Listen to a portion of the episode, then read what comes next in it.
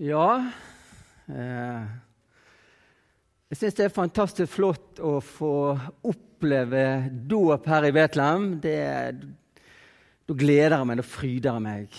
Gratulerer masse med dagen til Øyvind og Solveig, med Maria og øvrige familie og faddere. Og fantastisk flott. Eh, det har ikke alltid vært sånn. I 95 da fikk jeg tvillinger, og da søkte jeg om å få døpe de her i Betlehem. Eh, og det var viktig for meg.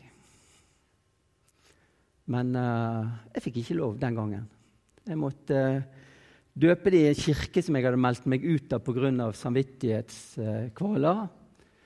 Uh, og I dåpssamtalen sier presten til meg vet du hva Bjørn, du har ingenting du skulle sagt, for du er ikke medlem her. Og Da eh, fortalte jeg hvorfor jeg ikke var medlem, og da endret den tonen seg ganske betraktelig. Og vi hadde egentlig en veldig grei dåpssamtale, eh, og dåpen gikk veldig greit. Men, men eh, det har heldigvis har utviklingen gått sin gang, og jeg syns det er utrolig flott å kunne få lov å bære barna i forsamlingen her, her vi tilhører. Det syns jeg er flott.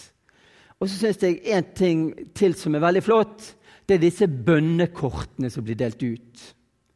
Eh, hjemme i andagsboken min har jeg noen sånne bønnekort over de som er døpt her i Betlehem, og som jeg får lov å ligge fremfor Gud hver morgen. Og det syns jeg er flott. Å ligge de som er døpt her i forsamlingen, eh, i Guds hender. Det, eh, det fins ikke noe større. Eh, Gunnar Ferster, som var forsamlingsleder før, eh, før eh, Glenn Overhaus er nå, han sa ofte noe som jeg har tenkt mye på, som jeg tror er veldig sant. Han sa det at 'Jeg tror det skjer alltid noe når vi ber', sa han. Og jeg tror det er helt sant. Jeg tror det skjer alltid noe når vi ber. Og det er veldig eh, store løfter knyttet til bønn. Så det å be for og med hverandre, det er knyttet store løfter til, og det er noe som vi må, må løfte fram.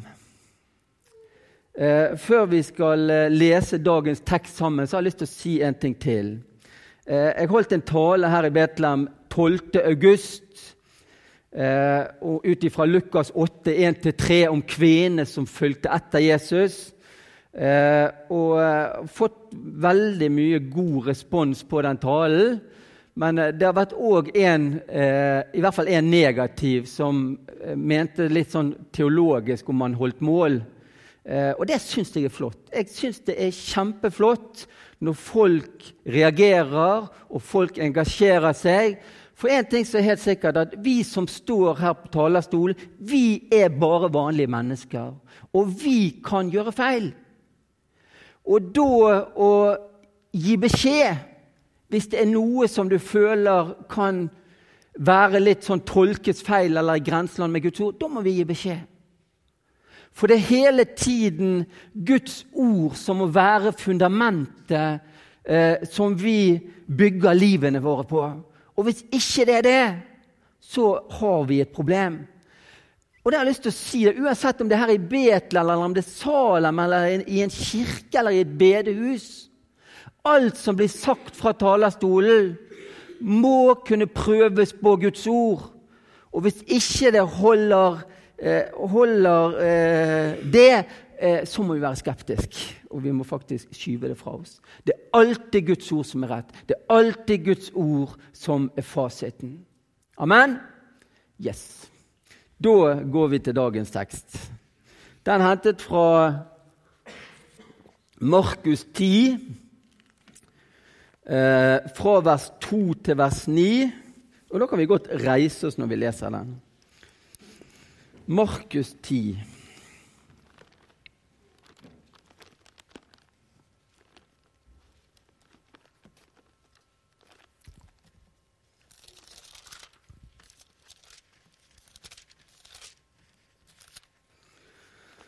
Fra vers 2 til 9 i Jesu navn.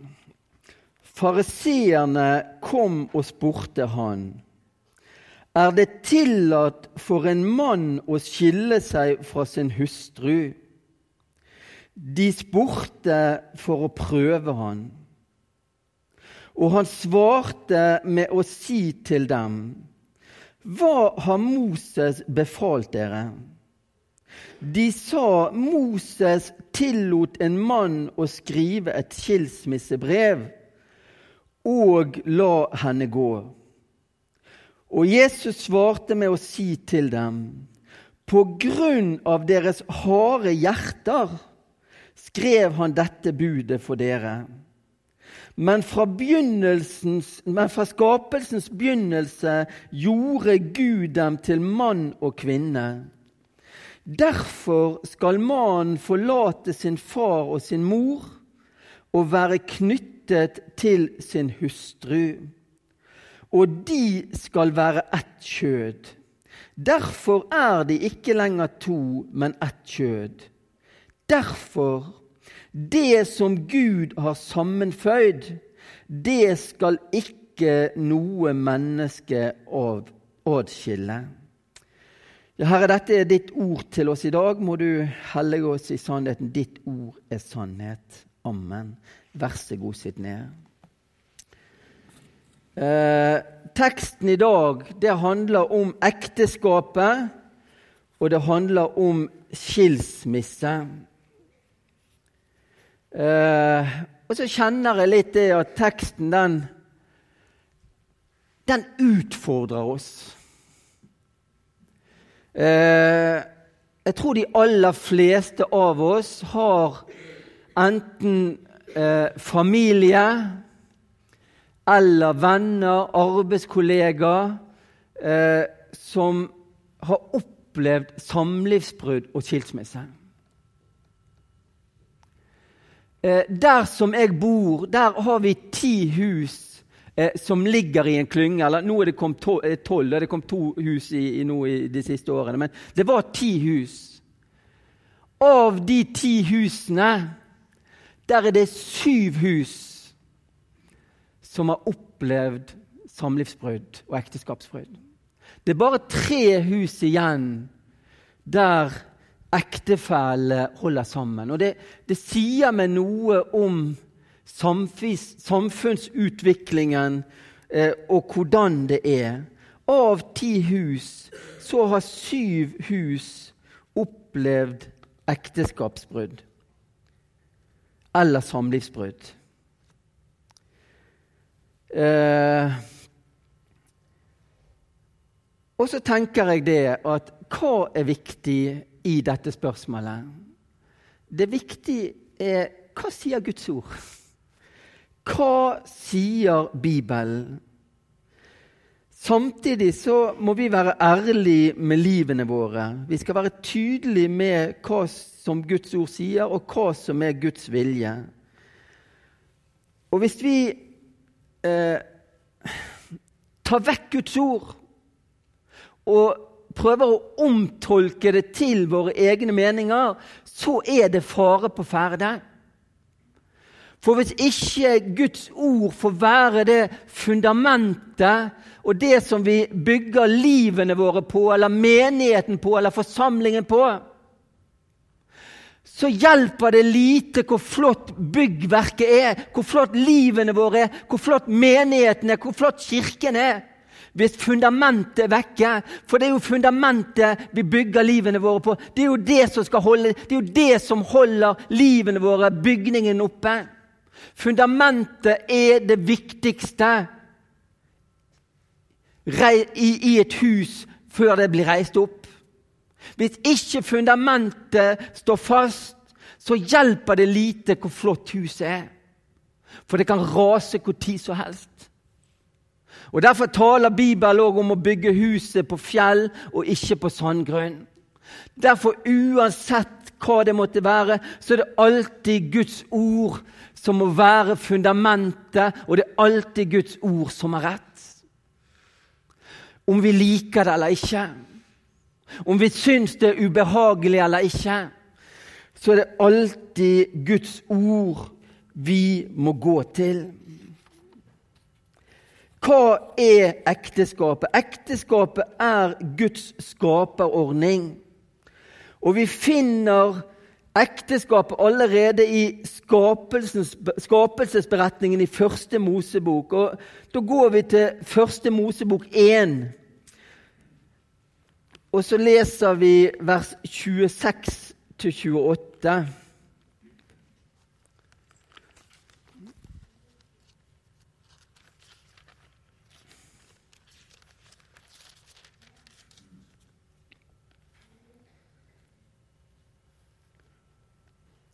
Så sa Gud, la oss gjøre mennesker i vårt bilde, etter vår lignelse.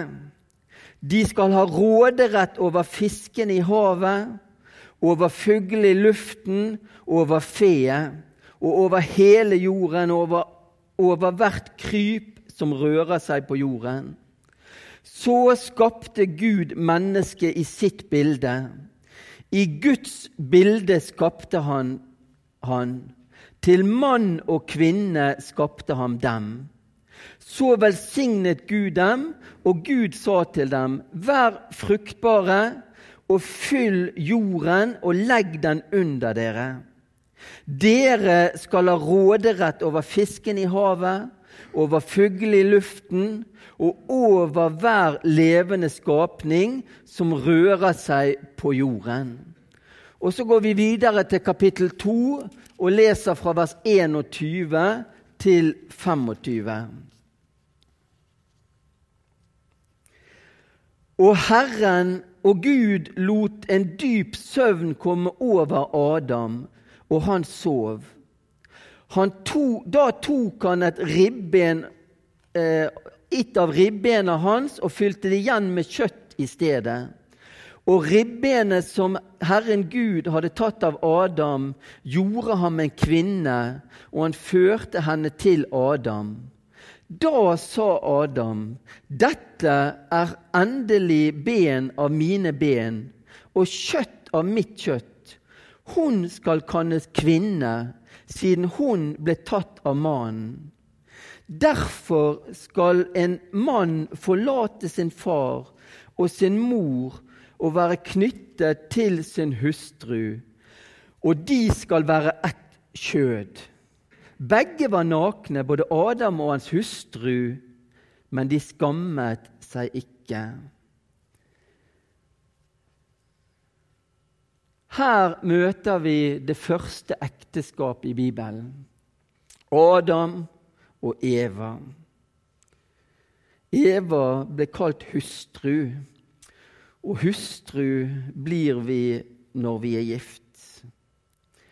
Og dette handler om Guds skaperordning. Måten Gud har tenkt eh, ordningen i forhold til mennesket. Ekteskap mellom mann og kvinne, familie, barn, utviklingen. Vi skulle bli, bli fruktbare og bli mange. Vi skulle fylle jorden, og så skulle vi råde over de ressursene som Gud har gitt oss.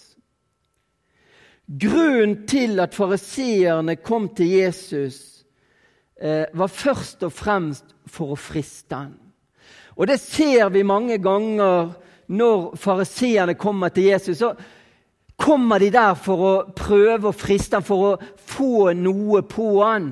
Jeg er litt usikker på om fariseerne om var så opptatt av dette her med, med, med, med skilsmisse og sånn. Jeg tror først og fremst at de ønsket å få noe eh, å anklage Jesus på. Eh, på. Eh, når det gjelder lov om skilsmisse så finner vi det i Gamle Testamentet, i 5. Mosebok 24. Der vi ser helt klart at Moses eh, han åpner opp for skilsmisse. Eh, og når fariseerne spør Jesus har en mann lov å skille seg fra sin hustru, så sier Jesus hva har Moses foreskrevet? Hva sier Skriftene. Altså, Hva sier Bibelen? Så sier de at Moses han tillot å skrive skilsmissebrev og skille seg fra henne. Og så svarer Jesus det at det, det er på grunn av deres harde hjerter at Moses tillot å skrive skilsmissebrev. Det er på grunn av deres harde hjerter. Samtidig så holder han fram Guds gode vilje. Og Hvis vi ser i vers 6 i teksten som vi har lest i dag, så står det det at men fra skapelsen begynnelse gjorde Gud dem til mann og kvinne. Og så videre, Derfor skal mannen forlate sin far og sin mor og holde seg til sin hustru. Så er de da to. Så er de da ikke lenger to, men ett kjød. Eh, og det som, som, som eh, eh, og det Jesus gjør, det er at han, han, først og fremst så kritiserer han ikke skilsmissen, men han holder frem hva som er Guds vilje. Og det er på grunn av deres harde hjerter at til, Moses tillot skilsmissebrev. Men Guds vilje, eh, det er klart. Guds vilje er at ekteskapet er hellig. At ekteskap er noe som skal vare helt til døden skiller oss. Eh, på fredag på kontoret mitt da hørte jeg på, på radioen 'Vindu mot livet' med John Hardang på P7. Eh, og John Hardang han eh, eh delte noen tanker ut fra den teksten. Det var litt derfor, derfor, jeg hørte på det òg. For jeg tenkte kanskje han har noen poeng som ikke jeg har tenkt på. Og der syns jeg John han, han, hadde et bilde som jeg syns var veldig fint. Han sammenlignet ekteskapet med en hage med gjerde rundt. Og så sa han det at en hage må stelles. En hage gjenspeiler på mange måter eieren av huset, sa han. Du ser veldig fort på hagen hvordan eieren av huset er. Og en hage må vannes, han må gjødsles, og han må stelles. Og sånn er det òg med ekteskapet. Sånn. Ekteskapet må vannes, det må stelles, det må gjødsles for at det skal bli et godt ekteskap. Og så snakket han om et gjerde som skulle sitte rammer for ekteskapet. Innenfor og utenfor. At et ekteskap må ha rammer. Likeledes som en, eh, som en hage er rammet inn. Her går grensen. Til hagen så må det òg være sånn i ekteskapet. Man må ha en ramme. Og det er viktig å pleie hagen, og det er viktig å pleie ekteskapet. Og jeg tror at mange ekteskap og forhold nettopp har gått i oppløselse nettopp fordi at man har glemt å pleie. Man har glemt å vanne. Man har glemt å gjødsle. Og så ble ikke ekteskapet det det var ment til å bli. Det er viktig hvordan vi møter våre ektefeller. Eh, diskuterte litt med Trude i dag, konen min, på, eh, rundt frokosten i dag. og Så sa hun det at eh, på mange måter så kan, kan, jo ekteskapet både være kjøleskap og varmeskap. sa hun. Hun har jo litt rett i det. Men vi må jo jobbe med at det er varmeskap og ikke kjøleskap. At det er varme som preger forholdet vårt. Og om det skulle være kjøleskap, så bør vi bytte det ut og få inn et varmeskap. Det er viktig hvordan vi møter vår ektefelle. At vi eh, har omsorg, at vi bryr oss. Og så tror jeg òg det er viktig å tenke gjennom ting. Eh, jeg jobber i rusomsorgen, og eh, av og til så har vi veiledning på personalmøtene. Og En veileder som vi har brukt en del, det er en psykolog som heter Ove Neskje. Han blir mye brukt innen rusfeltet til veiledning. Og Han sier ofte det at eh, eh i forhold til dette med vold og trusler. tenk igjennom situasjoner som kan oppstå. For da er dere mye mer forberedt når de situasjonene kommer. Tenk igjennom på forhånd situasjoner som kan oppstå, hvordan dere vil takle, hvordan dere vil handle eh, i de forskjellige situasjonene. For da står dere mye mer rustet eh, når dere kommer opp i det. Og så har jeg tenkt litt sånn i forhold til ekteskapet. Det var ikke dumt sagt. Det er viktig å tenke igjennom og være bevisst på hvordan vi agerer eh, på ting som kan komme.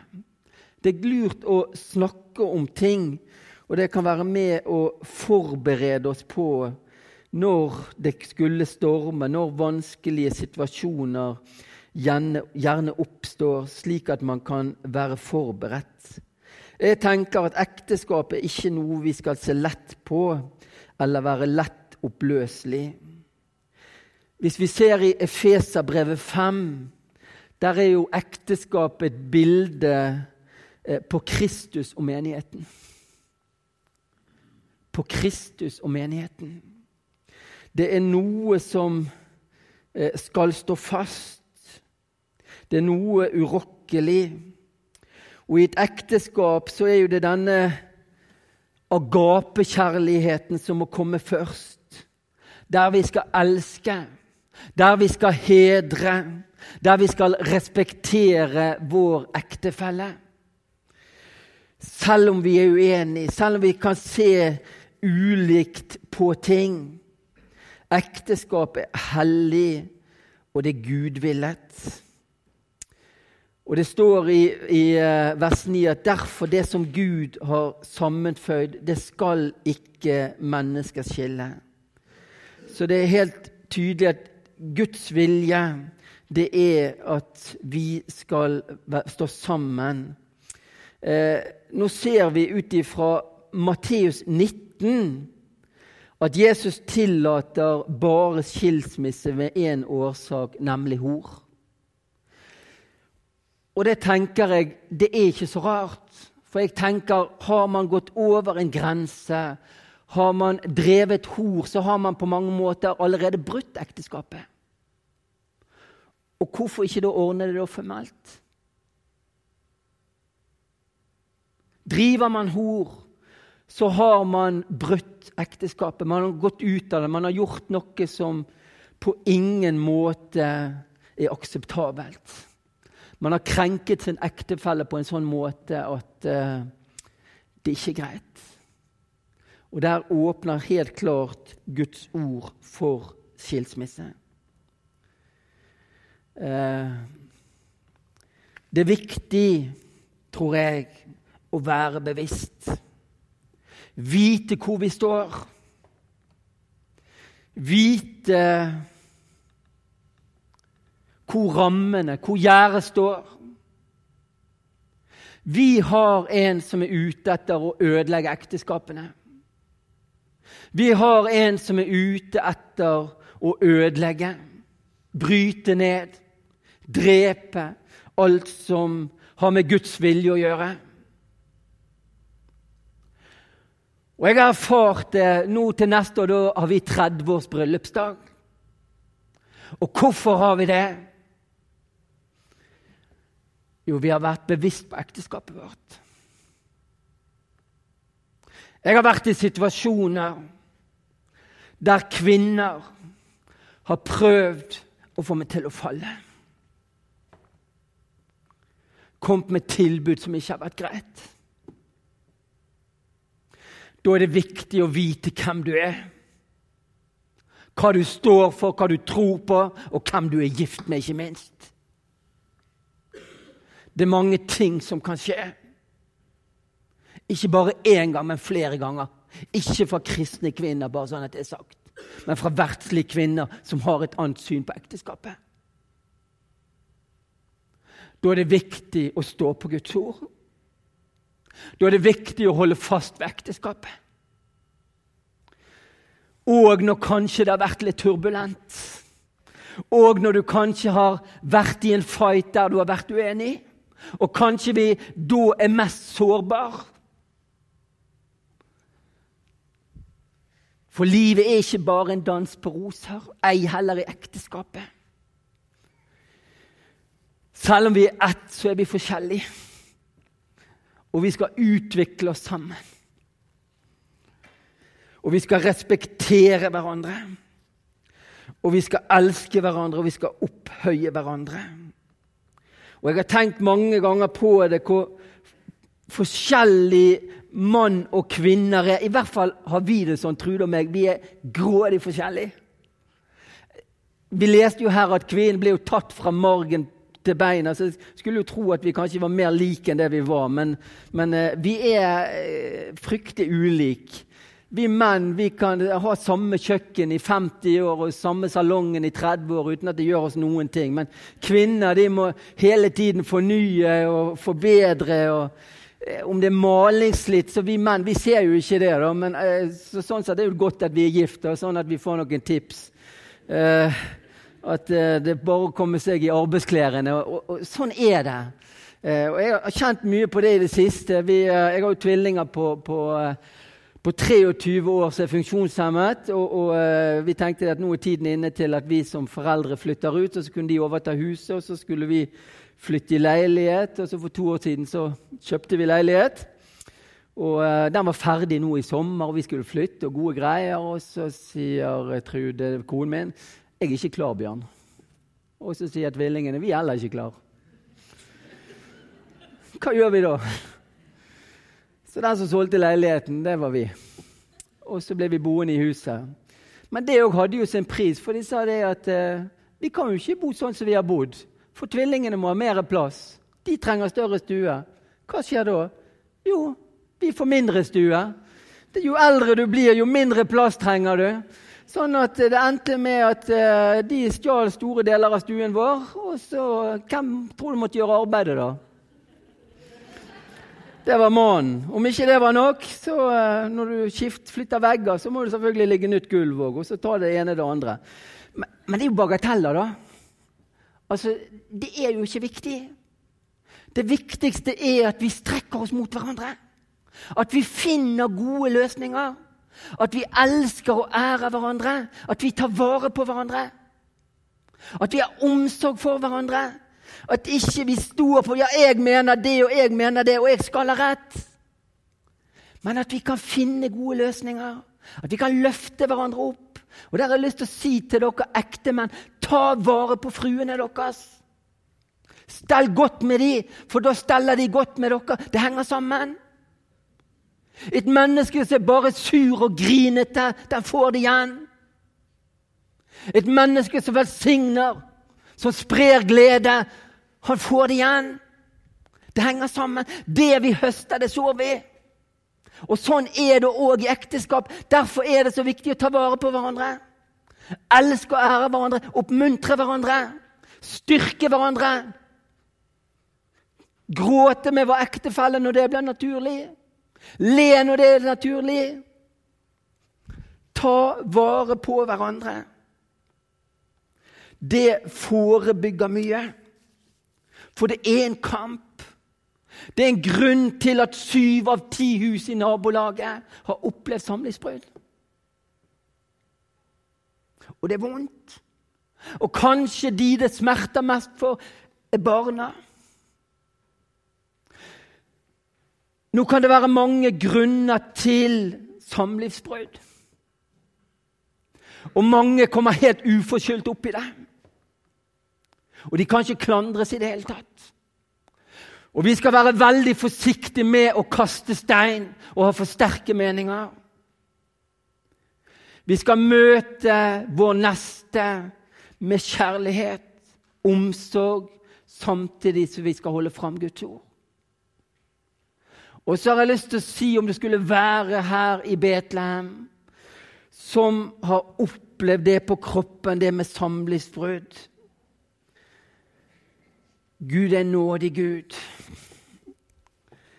Og jeg syns det står så fint i Romerbrevet 8,1.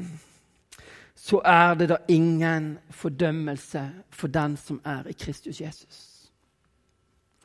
Det kan gå i stykker for oss på mange måter. Men vi skal få lov å bekjenne våre feil og vår nederlag. Og så skal vi få tilgivelse.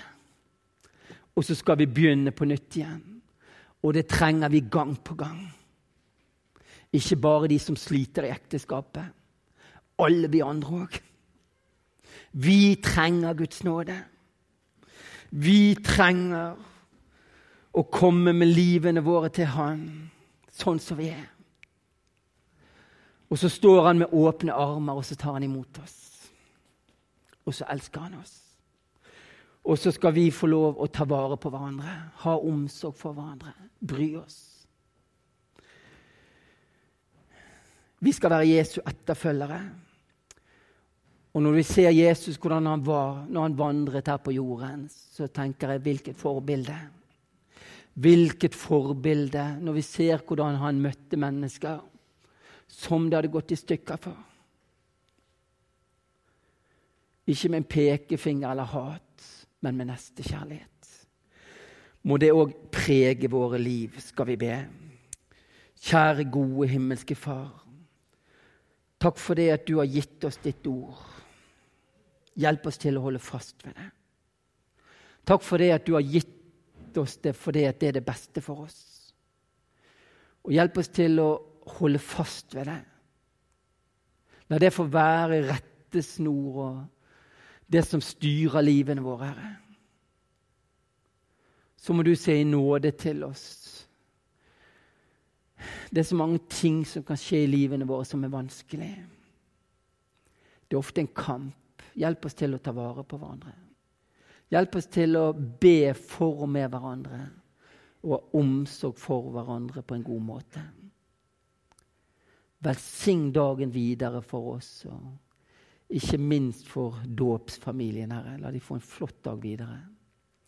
Det ber vi om i ditt navn. Amen.